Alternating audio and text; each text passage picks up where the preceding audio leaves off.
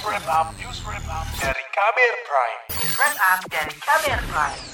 Saudara belasan ribu personel disiagakan menjaga konferensi tingkat tinggi G20 di Bali. Tingginya prioritas pengamanan kegiatan ini bahkan terasa hingga di luar Pulau Dewata.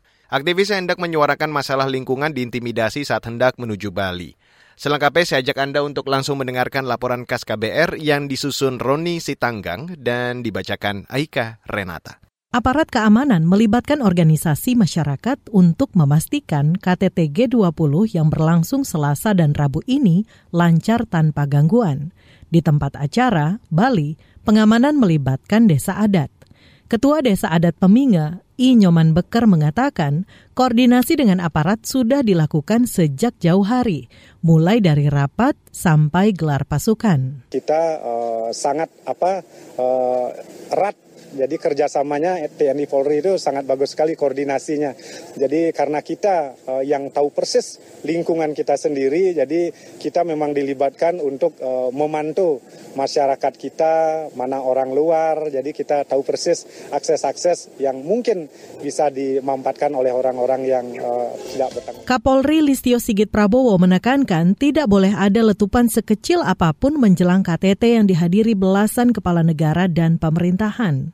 Kapolri menegaskan jajarannya harus bisa mereduksi potensi ancaman menjelang puncak pertemuan kepala negara G20 tersebut. Tidak boleh ada letupan sekecil apa pun. Keberhasilan presidensi G20 Indonesia akan meningkatkan kredibilitas Indonesia di mata dunia. Syukur Alhamdulillah sampai dengan saat ini seluruh agenda presidensi G20 berhasil terselenggara dengan aman, nyaman, dan lancar. Pengamanan tingkat tinggi itu lantas berdampak pada aktivis Greenpeace yang hendak mengkampanyekan lingkungan di Bali menggunakan sepeda. Aksi goes lingkungan ini diadang sejumlah orang di berbagai daerah. Ketua Ormas Tapal Kuda Nusantara di Probolinggo, Jatim, Eko Karso yang melarang aksi itu beralasan kegiatan kampanye lingkungan tersebut mengganggu kepentingan nasional. Yang akan mengacau terhadap uh, KTT G20 yang ada diselenggarakan di Bali. Maka dari itu kami kalau cinta Indonesia, cinta dalam negeri kita, jangan sampai negara kita itu dijual ke asing. Tim pesepeda Chasing the Shadow memulai perjalanan bersepeda untuk mengkampanyekan isu perubahan iklim di Bali pada 15 Oktober 2022. Juru kampanye iklim dan energi Greenpeace Indonesia sekaligus anggota tim pesepeda Chasing the Shadow, Hadi Prianto mengatakan intimidasi sudah terjadi sejak di Semarang, Jawa Tengah. Pelakunya diduga anggota kepolisian. Tim lantas memutuskan tak melanjutkan gowes lingkungan setelah intimidasi berlanjut hingga di Probolinggo dan Malang, Jawa Timur. Mereka itu bilang kalian tidak boleh ada di Probolinggo. Kalau mau kalian silakan nginep di Surabaya, silakan nginep di Pasuruan, silakan nginep di kota-kota lain di Malang, tapi nggak di Probolinggo kayak gitu. Terus mereka meminta kita untuk membuat surat pernyataan.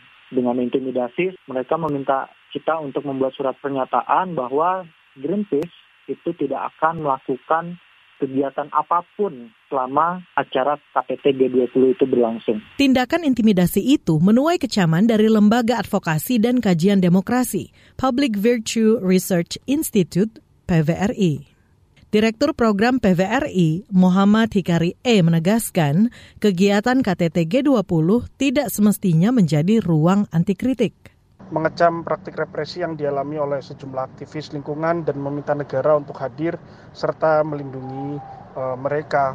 Bagi kami, kegiatan konferensi tingkat tinggi G20 di Bali 2022 ini tidak semestinya menjadi ruang anti kritik Pemerintah harus tegas dalam melindungi serta menjamin kebebasan masyarakat dalam menyampaikan pendapatnya di muka umum. Direktur Program Lembaga Advokasi dan Kajian Demokrasi PVRI, Muhammad Hikari E. mengatakan, perlindungan terhadap penyampaian pendapat bisa menjadi pesan bagi dunia bahwa Indonesia berkomitmen menciptakan pemerintahan yang demokratis. Laporan ini disusun Roni Sitanggang. Saya Aika Renata. Kamu baru saja mendengarkan news wrap up dari Kabel Prime. Dengarkan terus kabelprime.id, podcast for curious mind.